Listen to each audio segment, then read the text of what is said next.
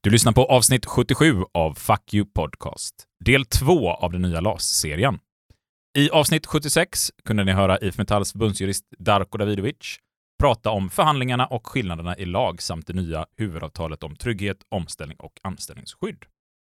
I detta avsnitt så kommer vi gå igenom de 23 första paragraferna, nämligen paragraf 1 till 6i, i lag 1982 80 om anställningsskydd till och med den 1 januari 2023 och då Svensk författningssamling 2022 836.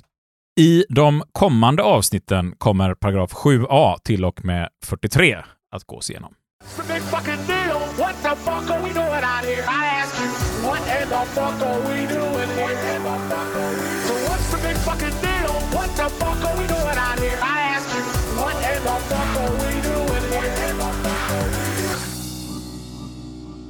Avsnitt 77 och vi alla samlade i studion. Det var länge sedan vi alla tre var i studion. Jag har knappt varit hela hösten skulle jag säga. Så kul. Vi Förutom- träffades ju på Förutom julen. förra avsnittet. Ja, men då var det ju lite ett urspårat avsnitt som vi brukar säga. Inte så mycket förberedelser. Nej, precis. Och, och nu ska vi prata om någonting som folk faktiskt har efterfrågat väldigt, väldigt mycket och det är ju ja, nya LAS, eller LAS som det heter, men vi säger nya LAS för att det har gjorts ändringar i den.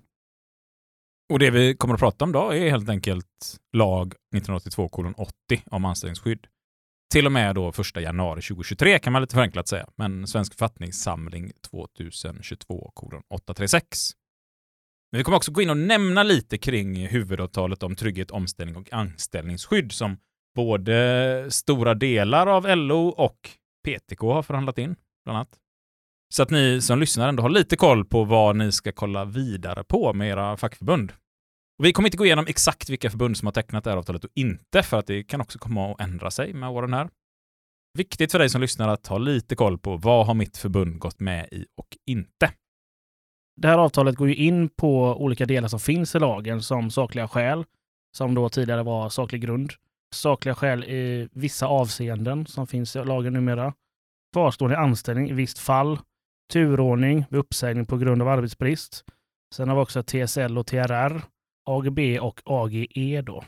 Vi kommer att släppa avsnitt som handlar om de här avtalen också. framdeles. Men nu blir det två eller tre avsnitt här om bara lagen om anställningsskydd där vi ska fördjupa oss i de paragrafer som ligger i nya LAS. I dagens avsnitt kommer vi som sagt då att gå in på paragraf 1 till och med 6i. Och lite kortfattat så är det alltså för vem gäller lagen? Dispositiviteten, går den att förhandla eller inte? Nominerandeverkan, rätt att räkna anställningsdagar, huvudprincipen av anställning, sjuk på heltid, tidsbegränsade anställningar, övergående från visstid till tills vidare, över 69 år, 6b övergång av verksamhet, anställningsavtalet, ändring av information, lediga tjänster, arbete på flera ställen och konkurrerande verksamhet. Vid de paragrafer där avtalet kliver in egentligen och ersätter eller gör tillägg i de här paragraferna så kommer vi försöka se till om att här får ni med avtalet kolla upp i avtalet. Och då kommer ni även kunna lyssna på det i kommande avsnitt där vi spelar in själva avtalet. I dagens avsnitt kommer det inte vara så många paragrafer där avtalet eh, reglerar någonting. Vill man veta hur lagen såg ut innan de här förändringarna skedde, då kan man lyssna på avsnitt 35 som vi fortsatt låtit ligga kvar, men som vi har markerat att det inte längre är giltigt. Förra avsnittet så var vi och träffade Darko Davidovic, förbundsjuristen i IF Metall och pratade lite kring hur förhandlingarna hade gått till och vilka stora skillnader som nu har skett i lagen. Så att är man intresserad av att lyssna på det så rekommenderar vi att ni lyssnar på avsnitt 76. Sebastian, du var själv inte med i avsnittet med Darko, men du har lyssnat på det i efterhand. Vad tyckte du? Nej, Men jag tyckte det var väldigt intressant för att jag lämnade ju arbetarrörelsen, eller jag bytte ju karriär där en period och eh, testade något annat. Jag missade nästan den här svängen med hela LAS, när det var mycket diskussioner och sånt på arbetsplatserna om det och även i fackförbunden. Om vad är det som ska gälla, vad är det det ska vara. Så det var väldigt, jag tyckte det var väldigt intressant att faktiskt få reda på just hela andemeningen och tankegången med det här avtalet framförallt. Men nu tycker jag vi hoppar rätt in i lagen. Inledande bestämmelser. Paragraf 1. Denna lag gäller arbetstagare i allmän eller enskild tjänst.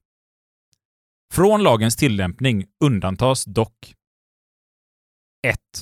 Arbetstagare som är anställda för arbete i arbetsgivarens hushåll och 2. Arbetstagare som är anställda i gymnasial lärlingsanställning. Bestämmelserna i 4 till 6 B, 6F, 6G, 7-20, 22-37, 39 och 40 paragraferna gäller inte för 1. Arbetstagare som med hänsyn till arbetsuppgifter och anställningsvillkor får anses ha företagsledande eller därmed jämförlig ställning. 2. Arbetstagare som tillhör arbetsgivarens familj. Och 3. Arbetstagare som är anställda med särskilt anställningsstöd i skyddat arbete eller med lönebidrag för utveckling i anställning. Lag 2022 448. Och här har vi då den första paragrafen som nu har fått en liten förändring i sig. Man ska också tänka på här att är man arbetstagare allmän tjänst så gäller även lag 1994 260 om offentlig anställning. Och lagen talar ju också om här då, vilka är det som undantas från de här paragraferna i lagen om anställningsskydd. Och det första vi kan gå igenom är ju att eh, lagen gäller helt enkelt alla som är anställda i både allmän eller enskild tjänst. Det finns dock undantag från vissa paragrafer här. Bland annat då så är det arbetstagare som med hänsyn till arbetsuppgifter och anställningsvillkor får anses ha företagsledande eller därmed jämförlig ställning. Där är man VD. Nej, men då är man inte riktigt skyddad fullt ut av lagen om anställningsskydd. Likaså om man är anställd i arbetsgivarens hem. Eller tillhör arbetsgivarens familj. Ja, men det finns lite intressanta domar och jag tänker så här, i framtiden tycker jag vi ska ha lite mer så här arbetsdomstolscase-avsnitt som kanske bara handlar om enskilda domar. Men några av dem som jag tycker är ganska intressant att titta på här, det är bland annat AD-dom 2020 nummer 15, där man väljer att testa familjemedlemsundantaget i anställningsskyddslagen. Och Det är då en arbetstagare som har varit anställd i ett bolag som ägs och drevs av hennes make. Arbetstagaren sägs upp knappt tio månader efter att de på äktenskapsskillnad hade meddelats, alltså skilsmässan. Arbetsdomstolen finner där att anställningsskyddslagen inte var tillämplig på arbetstagaren när den här uppsägningen skedde. Man räknar alltså därför att eh, äktenskapet fortfarande har varit i princip giltigt under den här tiden och därför kan man undantas från LAS i de här paragraferna. Därför kan det vara av stor vikt att om man är gift med den som äger bolaget så kan det vara klokt att man faktiskt anlitar en advokat och tittar på hur gör vi vid eventuell skilsmässa med anställning och liknande. En liten rekommendation från oss på det. Men det finns även en dom som heter 1996 139 som eh, dömer åt andra hållet, där den anställde inte bli varslad på grund av detta för att man anser att eh, äktenskapet hade tagit slut där innan eller samboliknande förhållandena. Sen så är det också det här med familjevillkoret där man pratar om också är ju att arbetsgivarens familj är undantagna även de här turordningen och sånt som kan komma att ske. För det kan ju vara så att arbetsgivaren och ägaren då till bolaget har en tanke på att eh, barnen ska ta över firman och då kan man inte ha en situation där de behöver få gå hela tiden om man leker hela tiden med marginalerna. Utan de, de är undantagna hela det här om, om det är för tanken att de ska ta över verksamheten. Paragraf 2. Om det är en annan lag eller förordning som har meddelats med stöd av en lag finns särskilda föreskrifter som avviker från denna lag ska dessa föreskrifter gälla. Lag 2022 835. På slutet här så hör ni att vi säger lag 2022 kolon 835 och det är för att det kommer från Svensk författningssamling 2022 835. Och det är alltså de senaste förändringarna här som har skett i nya LAS. Så att även den här paragrafen, en paragraf som är nyligen förändrad, den talar om att laganställningsskydd är semidispositiv, alltså man kan inskränka den i sina delar som regleras i kommande paragrafer genom exempelvis ett kollektivavtal eller ett anställningsavtal. Däremot, om det är något som ger sämre skydd eller rättigheter, då är det ogiltigt i lagens mening. Och här kan vi bland annat se AD-dom 2020 nummer 38, där vi har en provanställd som hade en månads uppsägningstid inskrivet i sitt anställningsavtal. Lagen om anställningsskydd säger ju dock att under en provanställning så är det ingen uppsägningstid. Och när den här personen sägs upp så hänvisar de till att som provanställd har man ingen uppsägningstid. Men har man skrivit ett anställningsavtal där det står att man har en månads uppsägningstid och inte förtydligat att det inte gäller vid provanställning, då har Arbetsdomstolen konstaterat att då är det en månads uppsägningstid för att ni har förhandlat någonting bättre än lagen. Företaget här menade på att eh, det var inte det som var vår mening med det här avtalet, men det var ändå skrivet på ett sådant sätt. Så att har ni förhandlat fram någonting bättre, då är det det som ska vara giltigt. Paragraf 2a. Ett avtal är ogiltigt i den mån det 1. Upphäver eller inskränker arbetstagarnas rättigheter enligt denna lag, om inte något annat följer av 2b, eller 2. Avviker från 7 paragrafens första eller andra stycke, om inte något annat följer av 2c. Lag 2022 835. Avvikelse får göras vid uppsägning om de följer paragrafen 2b och 2c. Ja, så ska man teckna ett, eller ändra någonting som individ så behöver det vara bättre. Det får liksom inte inskränka din rättighet här. Ska det bli eh, någon annan så försämring så att säga, då, då behöver en centralorganisation göra det som 2C säger. Alltså. Och då normalt så brukar den här lilla försämringen någonstans betyda att man får någonting bättre i andra änden. Ska väl tilläggas. Ja, det ska vara tydligare. Paragraf 2b. Genom ett kollektivavtal får det göras avvikelser från femte, 5a, sjätte paragrafen, andra och tredje styckena, 7a, 7b, 22, 25 till 27 och 33 d paragraferna. Om avtalet inte slutits eller godkänns av en central arbetstagarorganisation krävs dock att det mellan parterna i andra frågor gäller ett kollektivavtal som har slutits eller godkänts av sådan organisation eller att ett sådant kollektivavtal tillfälligt inte gäller. Under samma förutsättningar är det också tillåtet att genom ett kollektivavtal bestämma den närmare beräkningen av förmåner som avses i 12 paragrafen.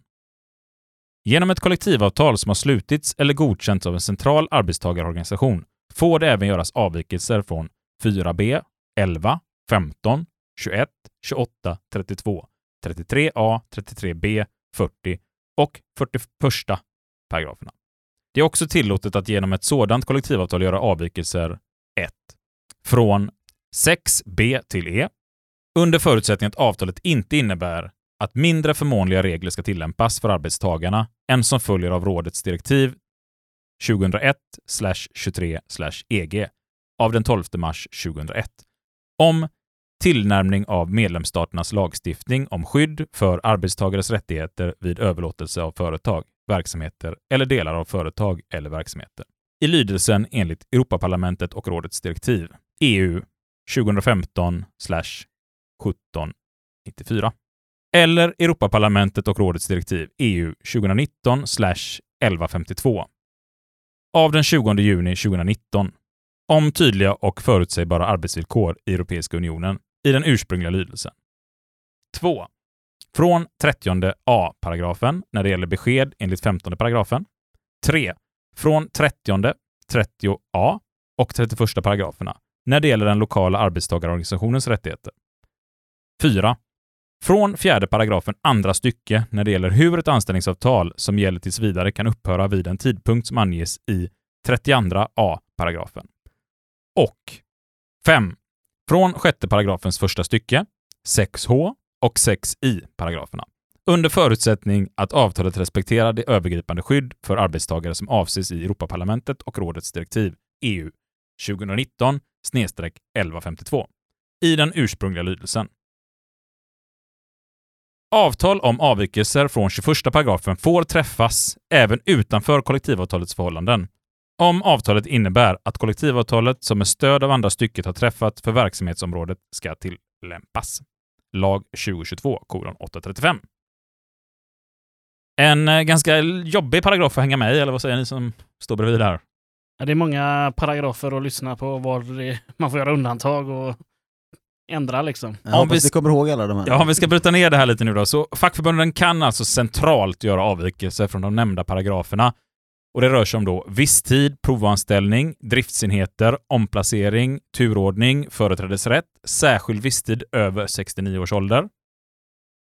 Centralt kan man också göra avvikelser från 4b, lämnar vid hel sjukersättning, uppsägningstider, besked om tidsbegränsad anställning inte fortsätter, lön under permittering, Företrädesrätt. uppsägning på grund av ålder.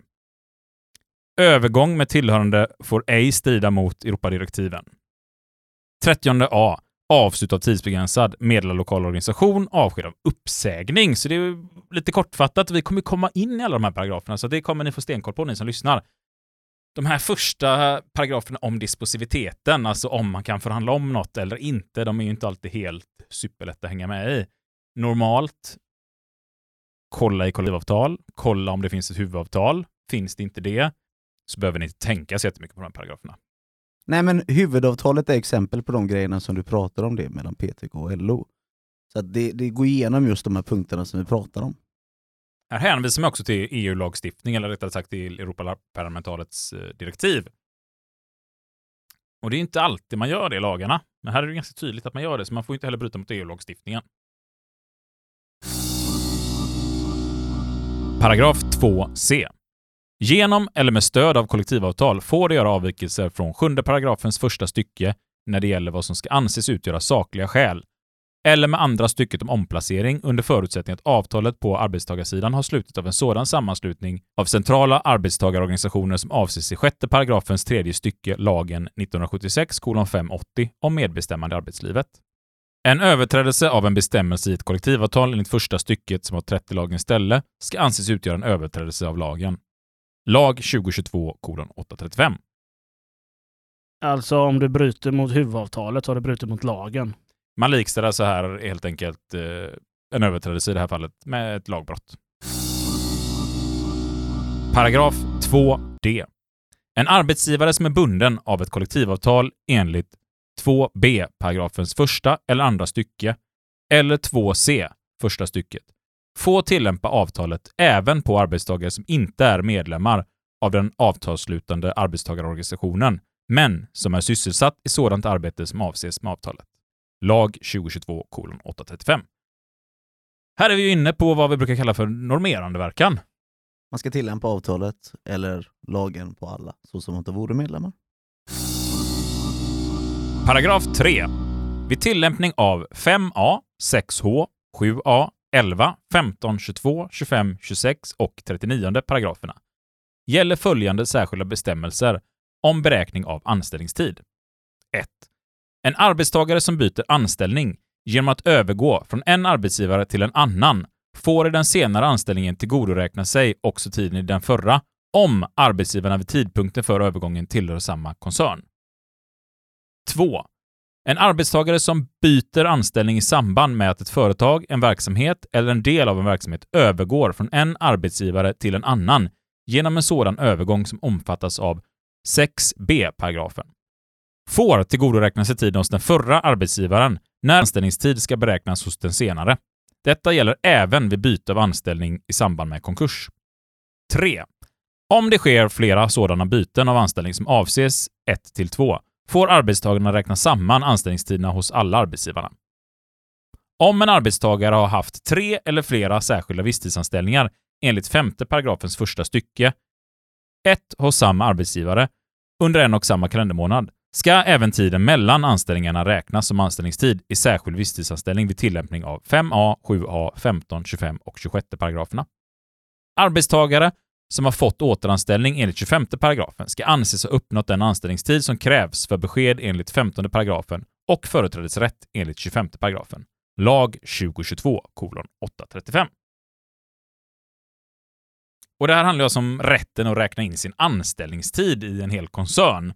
Vid första punkten här, en arbetsgivare som byter anställning genom att övergå från en arbetsgivare till en annan, får räkna med sig anställningstiden om det är inom samma koncern när den här övergången sker. Alltså man kan jobba i ett stort bolag med många olika dotterbolag och hoppar man mellan de här dotterbolagen, då får man räkna med sig anställningstiden man har. Likaså om man byter företag i samband med att företag blir uppköpt eller råkar ut för en konkurs och blir uppköpt av nya ägare, så har man rätt att räkna med sig sin anställningstid. Gör man flera olika sådana här byten så ska man räkna ihop allihopa.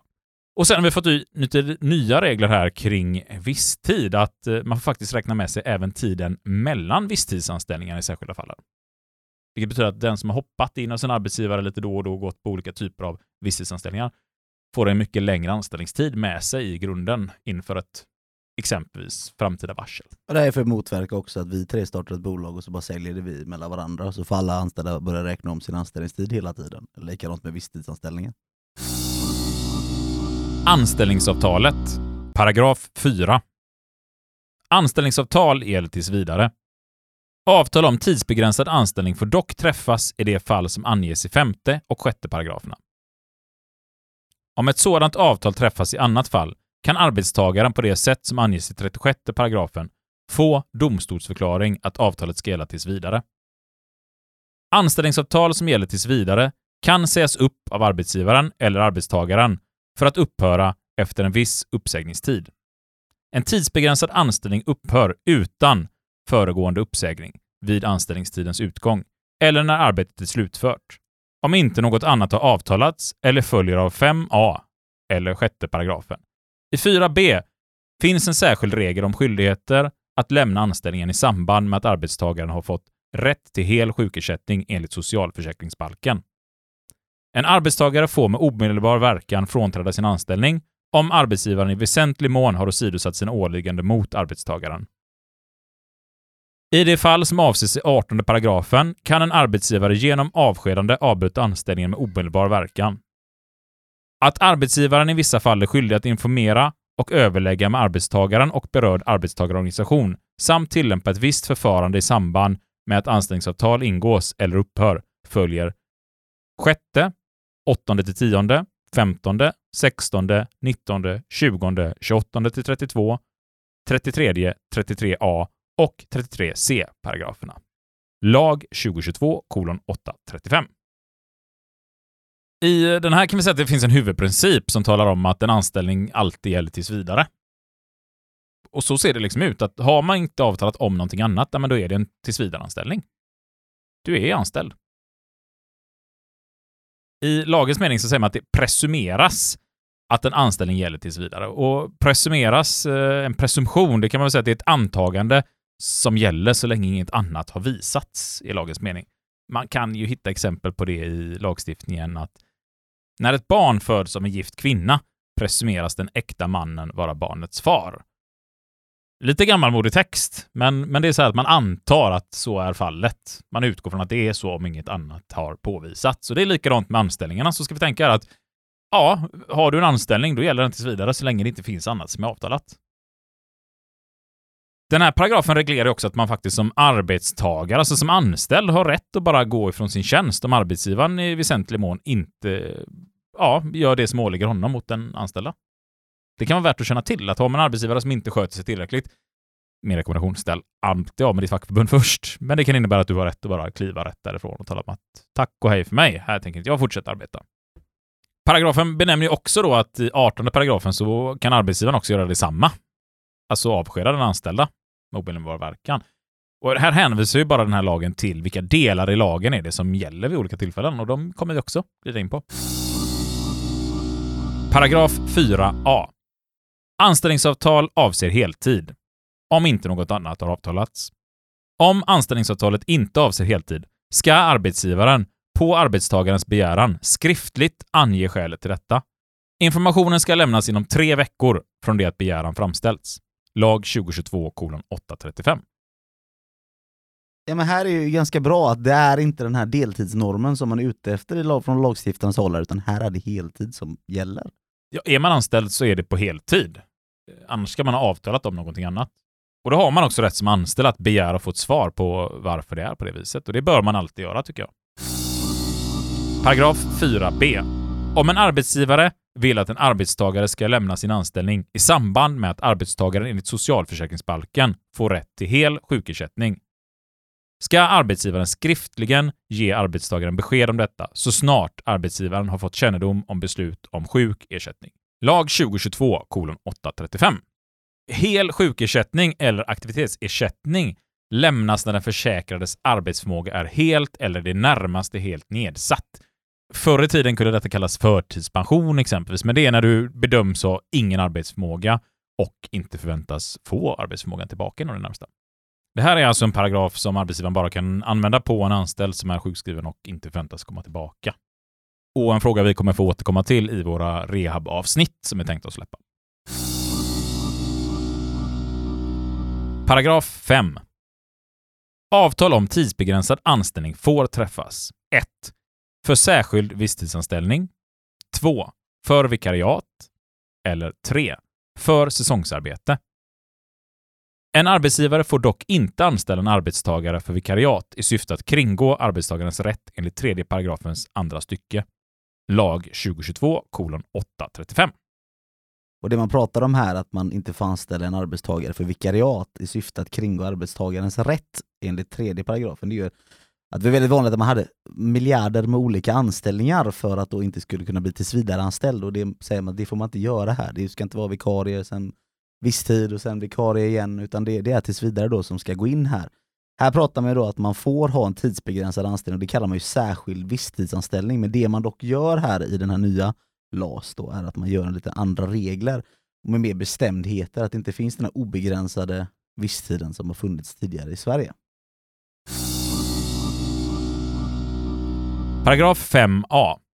En särskild visstidsanställning övergår till en tillsvidareanställning när arbetstagaren har varit anställd hos arbetsgivaren i särskild visstidsanställning i sammanlagt mer än 12 månader. 1. Under en femårsperiod. Eller 2. Under en period då arbetstagaren haft tidsbegränsade anställningar hos arbetsgivaren i form av särskild visstidsanställning, vikariat eller säsongsarbete och anställningarna följt på varandra. En anställning har följt på en annan om den tillträtts inom sex månader från den föregående anställningens slutdag. Ett vikariat övergår till en tillsvidareanställning när en arbetstagare har varit anställd hos arbetsgivaren i vikariat i sammanlagt mer än två år under en femårsperiod. Lag 2022 835. Någonting som, som är viktigt att prata om när man pratar om de här olika anställningsformerna, vikariat, alltså ett sätt att kringgå det här är inte att bara vara allmän vikarie, vilket vissa arbetsgivare gärna försöker med. Ja men Isak, han är här för att vara vikarie. Ja, för vem? Vem är du vikarie för? Det ska ju framgå vem det är du är vikarie för, för att inte arbetsgivaren ska kunna missbruka detta. Så tänk på det att om ni ska anställa vikarier på arbetsplatsen, om du själva är vikarier, vem är du vikarie för? Sen också så den här särskild visstidsanställning, den ersätter ju egentligen allmän visstid som har funnits tidigare och här har man ju in eh, regler då som gör att man inte ska kunna missbruka den allmänna visstiden som fanns förut, utan man byter namn på det till särskild visstidsanställning och i det så följer då regler. Ja, nu får du alltså max ha varit eh, visstidsanställd i 12 månader. Därefter ska man bli tillsvidareanställd. Det vill säga att om du har varit där tre månader 2019 och fyra månader 2020 och sen så 2021 så var du där vikarie i fyra månader. Ja men då blir det ju nu då 2022 är då tillsvidareanställd hos den arbetsgivaren när de försöker en gång till ge dig någon typ av vikariat eller visstidsanställning. Paragraf 5b har betecknats 33d genom lag 2019 kolon 528. Ja, vi kommer ju komma in på 33D senare, men det innebär ju egentligen att om du är över pensionsålder så blir det inte en automatisk tillsvidareanställning utan det fortsätter som en särskild visstid då. Så man kan säga att det här är ett undantag på paragraf 5a. Precis. Paragraf 6. Avtal får även träffas om tidsbegränsad provanställning om prövotiden är högst sex månader.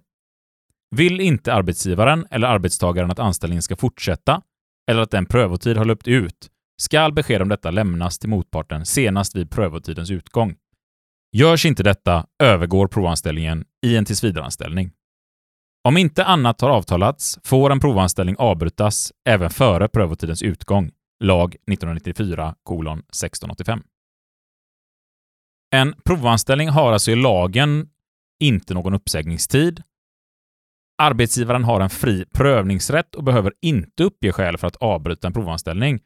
Man behöver alltså inget skäl för att avsluta en sån här provanställning, utan arbetsgivaren kan säga upp en provanställd hur som helst och när som helst i lagen. Sen är det ju väldigt viktigt här att man tittar i sina kollektivavtal, för det här är en väldigt vanlig punkt att man reglerar ganska ofta bort helt och hållet i avtalen. Har man det så kanske man har en uppsägningstid eller lite andra regler och formler kring detta. Så ser det ut i vårt avtal. Bland annat måste fackklubben medlas om de här typerna av anställningarna. Här är vi då även tillbaka i den här domen 2020 nummer 38, där en provanställd hade en månads uppsägningstid inskriven i sitt avtal. Och då gäller ju den även vid provanställning om man inte specifikt har skrivit att det gäller ej vid provanställning exempelvis. Viktigt här att tänka på att även om den liksom inte är reglerad heller i LAS med det här med uppsägningstid så är det fortfarande att man ska MBLa, det ska förhandlas och det kan ju även vara så att man bryter mot någon annan lag, typ diskrimineringslagen, om man nu en arbetsgivare talar om att men du får gå på grund av din religion eller etnicitet eller något sånt där. Det skulle också kunna vara föräldraledighetslagen exempelvis, att man, eh, ja men du får gå, du har varit föräldraledig för mycket. Paragraf 6a är upphävd genom lag 2006 439. Paragraf 6b. Vid övergång av ett företag, en verksamhet eller en del av en verksamhet från en arbetsgivare till en annan övergår också de rättigheter och skyldigheter på grund av anställningsavtal till anställningsförhållanden som gäller vid tidpunkten för övergången på den nya arbetsgivaren. Den tidigare arbetsgivaren är dock också ansvarig gentemot arbetstagaren för ekonomiska förpliktelser som hänför sig till tiden före övergången. Detta stycke gäller även arbetstagare i allmän tjänst och på sjögående fartyg. Första stycket gäller inte vid övergång i samband med konkurs. Första stycket gäller inte heller ålders-, invaliditets eller efterlevande förmåner. Trots bestämmelserna i första stycket skall anställningsavtalet och anställningsförhållandet inte övergå till en ny arbetsgivare om arbetstagaren motsäger sig detta. Lag 1994 1685. Och det här är ju vad man brukar kalla för en 6B-övergång i LAS. Jag kommer ihåg eh, första kursen jag gick, så lite fördjupande lagkurs, så tänkte man när ska man användning för det här? Men det har jag haft användning för väldigt, väldigt mycket sedan dess kan jag ju säga. Vi, jag jobbar i en stor koncern som har sista tio åren köpt upp enormt mycket bolag. Vi har även sålt vissa delar. Och då är det här en enormt viktig paragraf och det är bara en 6B som kanske inte känns som en huvudparagraf, men det här är ju nästan inne på en egen lag skulle jag vilja säga. Den reglerar ganska mycket vad som gäller och hur det ska skötas. I ett år så är man ju då den nya arbetsgivaren skyldig att fortsätta betala ut de här lönerna, lönesystemen, det som kan finnas innan de kan säga upp de här. Jag ska inte säga att det, det försvinner inte per automatik sen, utan det är då man kan säga upp det först. Man har skyddade villkor i ett års tid. Här är det ju viktigt att man försöker liksom förhandla in de här villkoren då så fort man kan.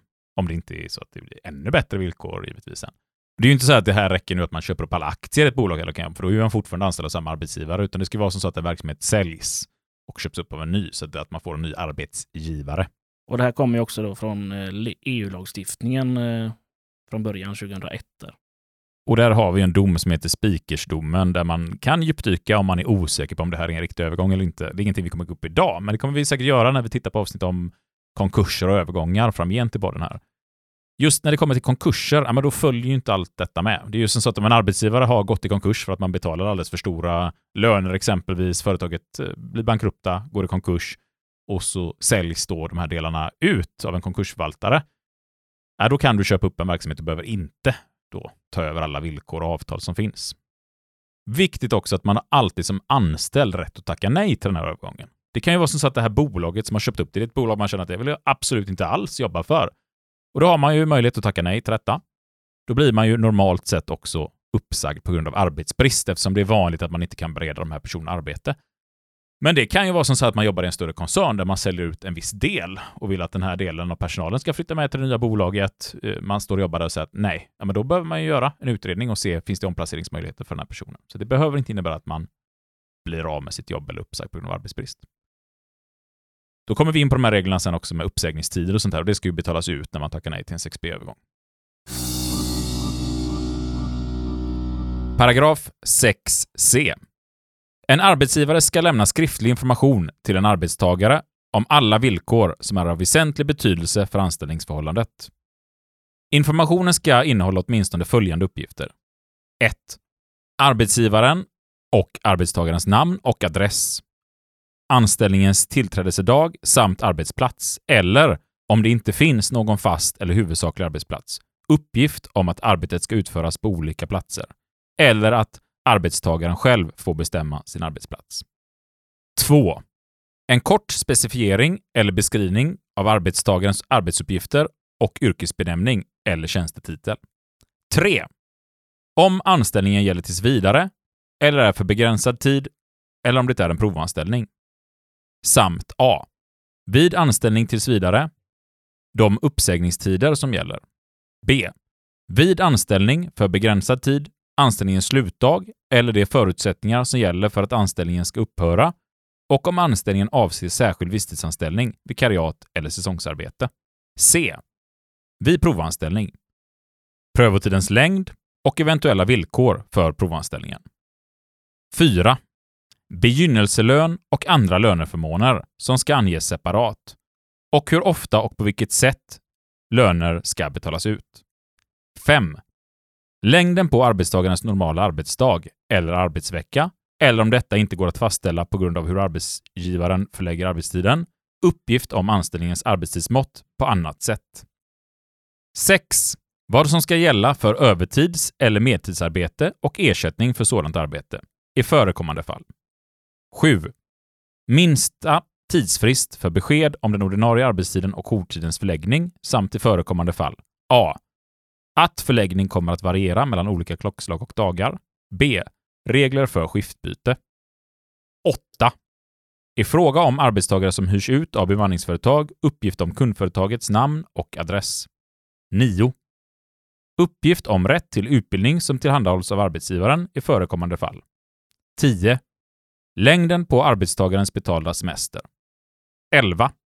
De bestämmelser som arbetsgivaren och arbetstagaren ska följa när någon av dem vill avsluta anställningsförhållandet. 12. Att arbetsgivaravgifter betalas till staten samt uppgift om det skydd för social trygghet som tillhandahålls av arbetsgivaren och 13. Tillämpligt kollektivavtal i förekommande fall. Informationen enligt första stycket och andra stycket, 1-7, ska lämnas så snart som möjligt, dock senast den sjunde kalenderdagen efter det att arbetstagaren har börjat arbeta. Information enligt andra stycket 3b ska oavsett anställningstidens längd lämnas i samband med att anställningen ingås när anställningen avser en särskild visstidsanställning. Information enligt andra stycket 8 ska lämnas så snart informationen är känd. Information enligt andra stycket 9-13 ska lämnas senast en månad efter det att arbetstagaren har börjat arbeta. Vissa uppgifter får, om det är lämpligt, lämnas i form av hänvisningar till lagar, andra författningar eller kollektivavtal som reglerar dessa frågor. Det gäller uppgifterna i 1. Andra stycket 3a, 2. Andra stycket 3b i fråga om förutsättningar för anställningens upphörande, 3. Andra stycket 5 i fråga om uppgifter om längd på en normal arbetsdag eller arbetsvecka och 4. Andra stycket 3c, 4, 6, 7b, 9 12. Lag 2022 kolon 835. Här har det ju skett en hel del förändringar i lagen, men det finns fortfarande mycket du kan reglera i kollektivavtal. Och då räcker det att man skriver installationsavtalet eller branschavtal, vård och omsorg, exempelvis för att ta två. Paragraf 6d. Om en arbetstagare sänds utomlands för att arbeta längre än fyra på varandra följande veckor ska arbetsgivaren före avresan lämna skriftlig information till arbetstagaren enligt 6 paragrafen C. Om det inte redan har skett. Arbetsgivaren ska före avresan även lämna skriftlig information som innehåller åtminstone följande uppgifter. 1. Vilket land eller vilka länder som arbetet ska utföras i och anställningstiden utomlands. 2. Den valuta som lönen ska betalas i. 3. De kontantersättningar och naturaförmåner som följer av arbetet. Och 4. Om ersättning för hemresa betalas ut och om så faller fallet, villkoren för hemresa. Vid utstationering enligt 23 paragrafen lagen 1999 om utstationering av arbetstagare ska informationen dessutom innehålla följande uppgifter. 1. Den ersättning och andra villkor som blir tillämpliga enligt 23 paragrafen lagen om utstationering av arbetstagare. 2. Ytterligare ersättning som hör ihop med utstationeringen och regler om ersättning för utgifter för resa, kost och logi i förekommande fall. Och 3.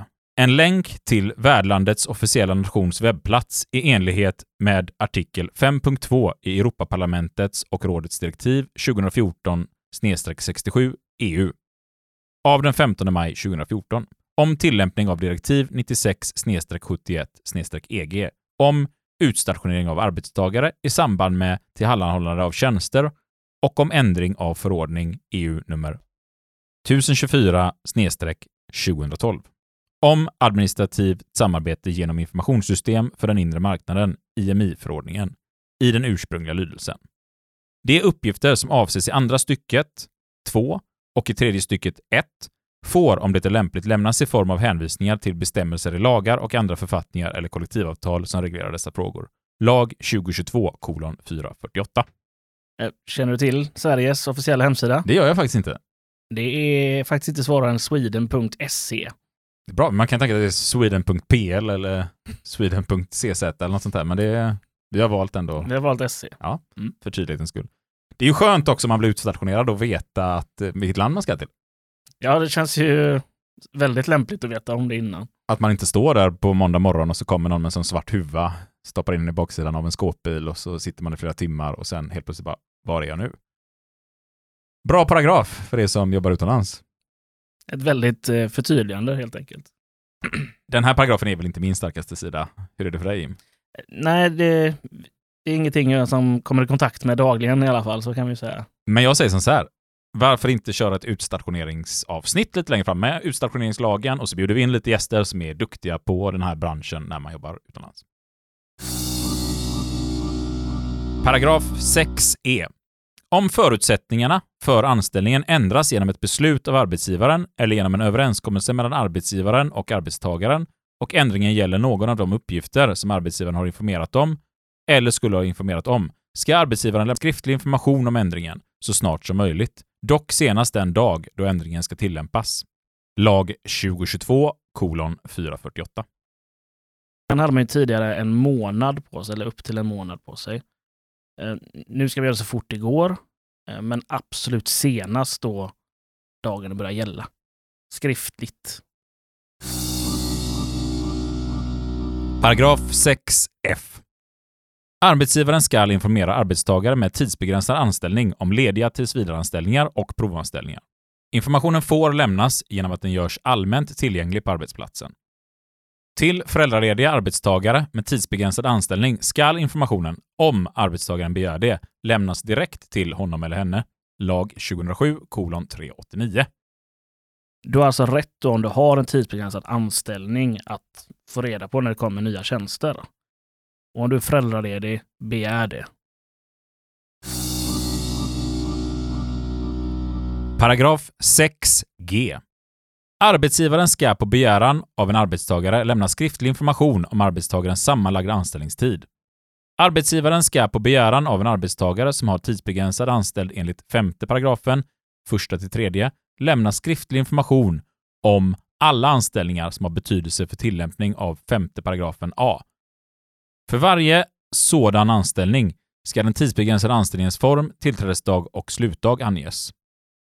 Information enligt första stycket ska lämnas inom tre veckor från det att begäran framställs. Vid beräkning av anställningstiden och vid bedömning av vilka tidigare anställningar som omfattas av informationsskyldigheten ska även anställningar enligt tredje paragrafens första stycke 1-3 beaktas. Lag 2016 248. Är det så att du inte är tillsvidareanställd, ja, men då ska du givetvis begära ut från din arbetsgivare din anställningstid så att du har koll på det. Det här ska man ha stenkoll på så man vet när är det dags för mig att bli tillsvidareanställd? Hur ser det ut just nu? Eller så fular man sig och nämner ingenting och så talar man om att du, nu har jag ju varit här tillräckligt länge för en tillsvidareanställning. Är det här ett tips du slänger fram nu? Nej, jag säger bara att det finns de här alternativen. Ja, okej. Och det är ert samvete som avgör. Men skämt åsido så har man givetvis en rättighet att få ut den här tiden så man kan ha stenkoll på detta. Och oftast brukar det vara bäst att båda parter har koll på det. Men eh, Robin, vårt gamla huvudskyddsombud, han som var med i avsnittet om vibrationer här i podden, han eh, brukar alltid skoja om att det var så han blev anställd. De glömde avsluta hans anställning. Paragraf 6h. Om en arbetstagare med tidsbegränsad anställning begär en annan anställningsform eller en högre sysselsättningsgrad, eller om arbetstagare som är anställd tills vidare begär en högre sysselsättningsgrad, ska arbetsgivaren lämna ett skriftligt svar till arbetstagaren inom en månad efter begäran. I det skriftliga svaret ska skälen för arbetsgivarens ställningstagande anges. En förutsättning för att arbetstagaren ska ha rätt till ett skriftligt svar är att han eller hon, när begäran görs, har varit anställd hos arbetsgivaren i sammanlagt minst sex månader och inte är provanställd. Om arbetstagaren gör en ny begäran inom 12 månader från den senaste begäran är arbetsgivaren inte skyldig att lämna ett skriftligt svar, under förutsättning att den senaste begäran gav rätt till ett skriftligt svar enligt andra stycket, lag 2022 448. Och hela den här paragrafen, eller delparagrafen, om vi ska kalla det, är ju helt ny. Väldigt bra, jag tycker att det här är en förstärkning som har kommit där. Alltså, har man en tidsbegränsad anställning, och vill ha en annan anställningsform eller högre sysselsättningsgrad, ja, men då kan man tala om det att jag vill ha detta. Och då ska arbetsgivaren lämna ett skriftligt svar på varför du inte får det, eller varför du får det. Jag tänker att får man det så kanske man inte behöver ett skriftligt svar på varför, utan då räcker det att här har du högre ja. anställningsgrad. Eh, jag tycker det här är väldigt bra och eh, det här kan man ju då inte göra varje dag, givetvis. Och göra det tills man tröttnar ut arbetsgivaren. Det är ju en kul taktik annars att försöka sig på. Men, det kan ju eh, också att man kanske hamnar i lite sämre ja, det, ställning. Det är högst troligt skulle jag säga att du gör det. Men det här är ju någonting jag tycker att man ska göra. Är man på en arbetsplats där fler vill begära detta så tycker jag definitivt att alla ska göra detta så man ser till att ha det i pappersform också. Och det är ju 12 månader då, så skulle det nu vara så att man har begärt detta för 12 månader sedan, eller inom 12 månader och fått ett skriftligt svar, men då har man inte rätt att begära ett nytt då förrän det har gått ytterligare 12 månader. Paragraf 6 i. En arbetsgivare får inte förbjuda en arbetstagare att under anställningen ha en anställning hos en annan arbetsgivare. Första stycket gäller dock inte om den andra anställningen 1. Är arbetshindrande. 2. Konkurrerar med arbetsgivarens verksamhet på ett sätt som kan orsaka skada. Eller 3. På något annat sätt kan skada arbetsgivarens verksamhet. En arbetsgivare får inte missgynna en arbetstagare på grund av att arbetstagaren under anställningen har en anställning hos en annan arbetsgivare. Lag 2022 448. Här kommer vi in på en sån här evig fråga. Får man ha fler än två anställningar eller en anställning? Och då har man hela tiden hänvisat till den så kallade lojalitetsprincipen. Som förut egentligen sa att du får bara ha en arbetsgivare mer eller mindre. Nu har vi fått inskrivet i lagen här att eh, nu kan man ha fler. Arbetsgivaren får inte hindra detta längre. Här tänkte jag att vi faktiskt ska läsa lite ur propositionen till den här nya LAS. Paragrafen, liksom rubriken före paragrafen, är ny. Paragrafen innehåller bestämmelser om anställning hos en annan arbetsgivare och genomför artikel 9 i arbetsvillkorsdirektivet. Övervägandena finns i avsnitt 9.1. Av första stycket framgår att utgångspunkten är att en arbetsgivare inte får förbjuda en arbetstagare att ha en anställning hos en annan arbetsgivare på sin fritid. Bestämmelsen tar sikte både på förbud i avtal mellan arbetsgivaren och arbetstagaren och ensidiga förbud av arbetsgivaren mot en anställning hos en annan arbetsgivare som arbetstagaren har eller avser att åta sig. Förbudet gäller alla arbetsgivare, det vill säga inte enbart den som ska anses som huvudarbetsgivare eller liknande, när en arbetstagare har flera arbetsgivare. Enligt andra stycket gäller första stycket inte under vissa förutsättningar. Det innebär att en arbetsgivare under vissa omständigheter får förbjuda en arbetstagare att under anställning ha annan anställning. Punkt 1 innebär att arbetsgivaren får förbjuda en arbetstagare att ha en anställning som är arbetshindrande. Med arbetshindrade avses att anställningen är så omfattande eller pågår på sådana tider eller på något annat sätt gör att arbetstagaren inte kan utföra sitt arbete på ett fullgott sätt.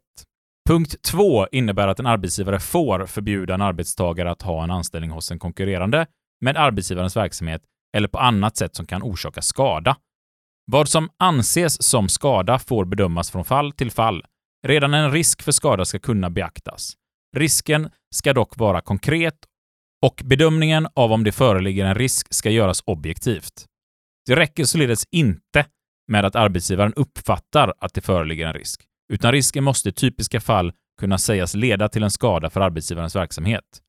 Tidigare rättspraxis om konkurrerande verksamhet under anställningen kan ge en viss vägledning när det gäller kravet på skada. Arbetstagarens ställning hos arbetsgivaren är av en stor betydelse vid bedömningen. Högre krav ställs på arbetstagare med en hög ställning. Däremot kan det oftast anses tillåtet av en arbetstagare med lägre ställning som inte har möjlighet att till exempel avslöja företagshemligheter arbetar för flera företag i samma bransch. Det bör till exempel för någon som arbetar deltid på ett café vara tillåtet att arbeta även på andra kaféer. Även till exempel typen av verksamhet som arbetsgivaren bedriver och vad andra anställningen går ut på är av betydelse vid bedömningen. Enligt punkt 3 får arbetsgivaren förbjuda en arbetstagare att ha en annan anställning om anställningen på något sätt kan skada arbetsgivarens verksamhet. Det får bedömas från fall till fall om den andra anställningen kan skada arbetsgivaren. Även här ska redan en risk för skada kunna beaktas. Med skada avses till exempel annan anställning som är förtroendeskadlig, Det vill säga som skadar arbetsgivarens anseende eller förtroendet för arbetsgivaren eller arbetstagaren. Även andra typer av skador ska kunna beaktas. Både ekonomiska och ideella skador omfattas. Det får överlämnas till rättstillämpningen att dra upp de närmare gränserna för när en arbetsgivaren enligt nämnda punkter får förbjuda en arbetstagare att ha en annan anställning. Rättspraxis från Arbetsdomstolen om uppsägning och avskedande på grund av att en arbetstagare har ägnat sig åt konkurrerande verksamhet eller på något annat sätt brutit mot lojalitetsplikten kan ges viss ledning. Det ska göras en helhetsbedömning där man bland annat tar hänsyn till typen av verksamhet, arbetstagarens arbetsuppgifter och arbetstagarens ställning hos arbetsgivaren. Utrymmet för att förbjuda en arbetstagare att ta en annan anställning är större om arbetstagaren har en hög befattning än en låg befattning hos arbetsgivaren. Särskilt när det gäller högre chefer kan det vara rimligt att tillåta avtal om att arbetstagaren inte ska ha någon annan anställning. Vid bedömning kan hänsyn tas till kollektivavtalsbestämmelser som finns i den aktuella branschen om förbud mot bisyssla. Paragrafen innebär ingen begränsning av arbetsgivarens möjlighet att kräva att arbetstagaren lämnar information till arbetsgivaren om sina andra anställningar eller samråder med arbetsgivaren i sådana fall. Paragrafen gäller förbud mot annan anställning under en pågående anställning. Den avser alltså inte det fallet att en arbetstagare har en annan anställning efter att den första anställningen upphört. Giltigheten av ett förbud mot annan anställning efter att anställningen upphört, en så kallad konkurrensklausul, får istället liksom idag bedömas utifrån 38 paragrafen lag om avtal och andra rättshandlingar på förmögenhetsrättens område eller kollektivavtal om konkurrensklausuler. Och det här med konkurrensklausuler, det kanske är ett avsnitt vi också ska komma tillbaka till i tiden här, men det skulle exempelvis kunna vara en sådan sak som att eh, man blir uppsagd på grund av arbetsbrist, man blir arbetsbefriad under tiden och då brukar man komma överens om är det avräkningsfritt eller inte? Får jag ta en annan anställning någonstans, upphöra lön samtidigt eller ej? I propositionen här så framgår ju rätt så mycket här. Alltså det, det börjar bli lite friare där med kan man jobba på två kaféer samtidigt? Ja, säger lagen numera. Här har det ju funnits en problematik innan, att man har bara jobbat 50 procent men inte tillåts ta anställningar på andra ställen. Nu blir det betydligt mycket friare här.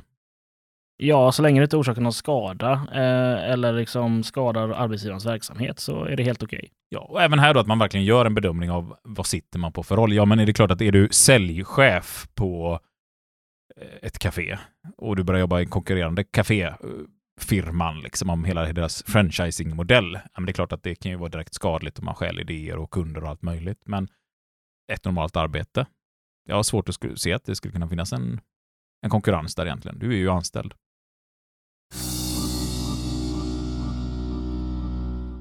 Ja, men det här var de inledande, inledande paragraferna. Det är ju en ganska ja, stor del också. Precis.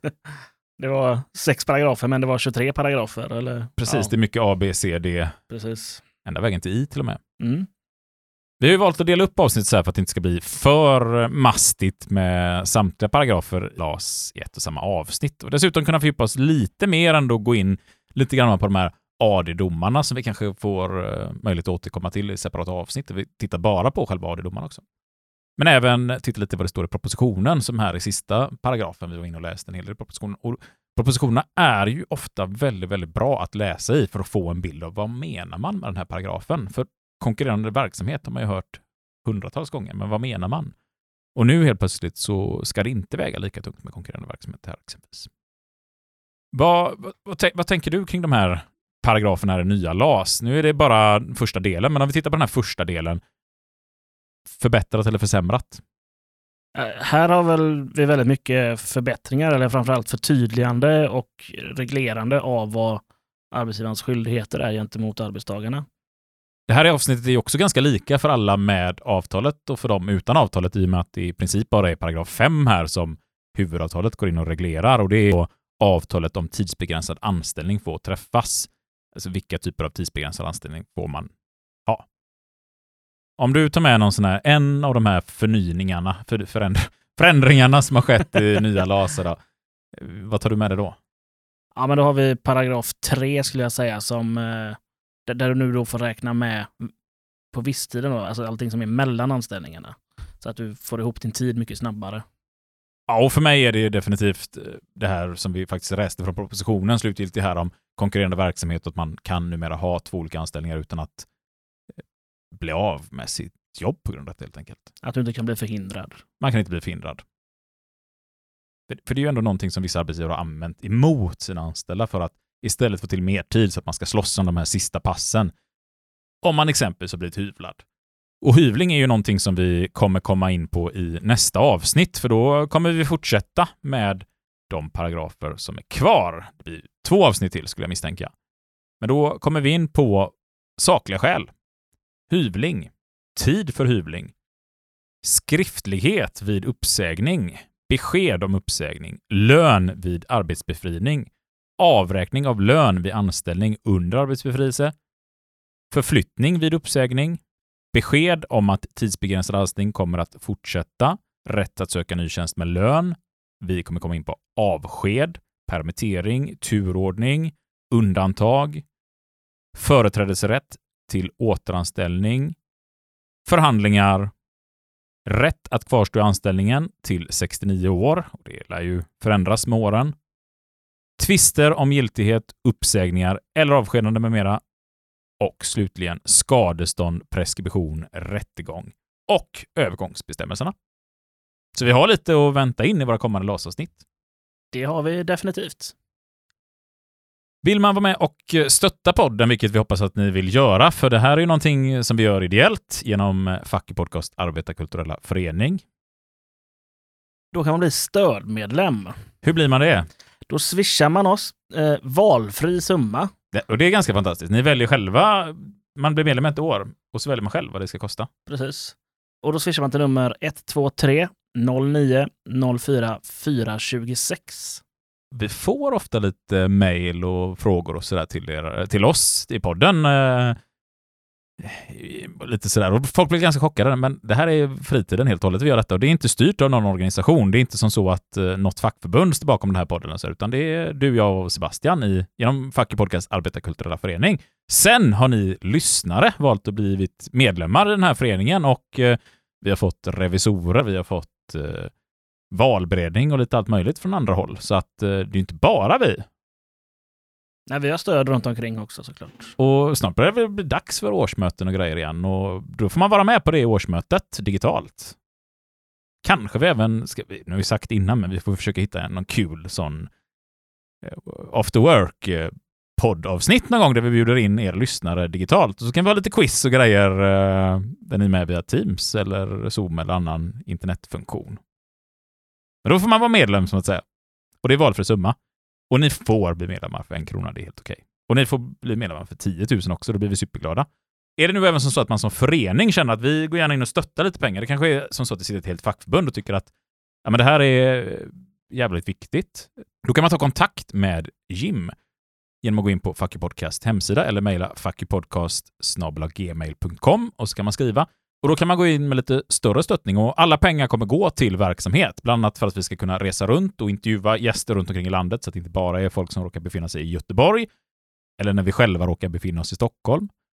Vi tänker även att vi skulle vilja dra igång med lite videoverksamhet och klipp på nätet och lite sånt där. Och då behövs det lite resurser för att ha råd att driva det. Och då kan man kontakta Jim och ge kanske ett bidrag på lite större summor. 5 000, 10 000, 100 000. Kanske som så att en hel organisation vill gå in på en mille. Då jävlar får ni verksamhet. Det, det jag tackar vi för i så fall. Men då, då kan vi garantera mycket verksamhet. Då blir det också lite högre krav på revisorerna kan vi säga. ja, det går fort eh, och blir lite större krav. Får ni det- skaffa det ska er varsin miniräknare. ja, men vi köper en miniräknare till revisorerna i så fall. För vän av ordning så märkte ni också att Sebastian försvann mitt under avsnittet. Ja, han försvann ju här vid paragraf 6 när den påbörjades. eh. Men det är ju för att vi har avbrutit och fortsatt spela in. Ja, det blev natt helt Ja, enkelt. precis. Barn grät, barn behövde nattas och lite allt möjligt. Eh, Och det kanske vi kan undvika i framtiden om vi har ett lite bättre kapital. För då kanske man någon gång om året kan göra detta på dagtid. Nu är det söndag kväll Ja, precis. och eh, London Derby snart på tv. Hej på er! Hej, hej. Vi hörs. Viktigt att få till det med vi hörs. Det är ju sån ordvitsgrej. Istället för vi ses. Ja, men, ja, precis. Det gör vi ju inte, utan vi hörs ju faktiskt bara. Ja. Om man inte är medlem då och är med på då, våra... ja, årsmöten. snyggt. snyggt. Eller hur? Kanske ska ha två sådana standard Mm. eh. Oj, nu rullar det fortfarande.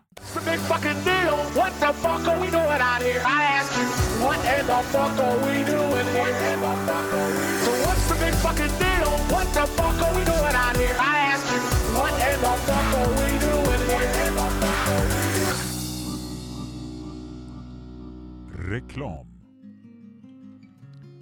FUP Premium rekommenderar andra starka poddar. Som exempelvis Bokcirkeln. Hjärtligt välkomna ska ni ha till Bokcirkeln. Och här sitter jag i min eh, fåtölj med en bok som jag läst den här veckan. Det är Bo Bylund och Lars Wiklunds Arbetsrätt i praktiken. Jag tycker att det är en, det är en rak och skarpt skriven bok som man, eh, nej men man får verkligen känslan att man är med där. Man är i lagen, man är i domstolen. Och, du har också läst den Jim, vad säger du? Sidorna, bokstäverna, styckesindelningarna. Allt hänger ihop. Det är som att Bo försöker säga oss något genom sidorna. Och man, man kan någonstans tänka sig att man, man läser om de här diskrimineringsgrunderna som man beskriver så väl. Att, ja, men någonstans har han, han har varit där, han har diskriminerat, han har skrikit på folk, men han har också själv blivit diskriminerad. Fem rosor för den här boken.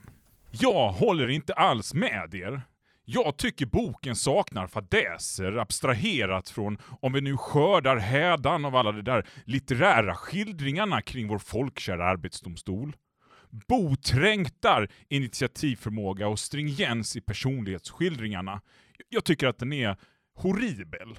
Horribel tycker jag. Fyra rosor.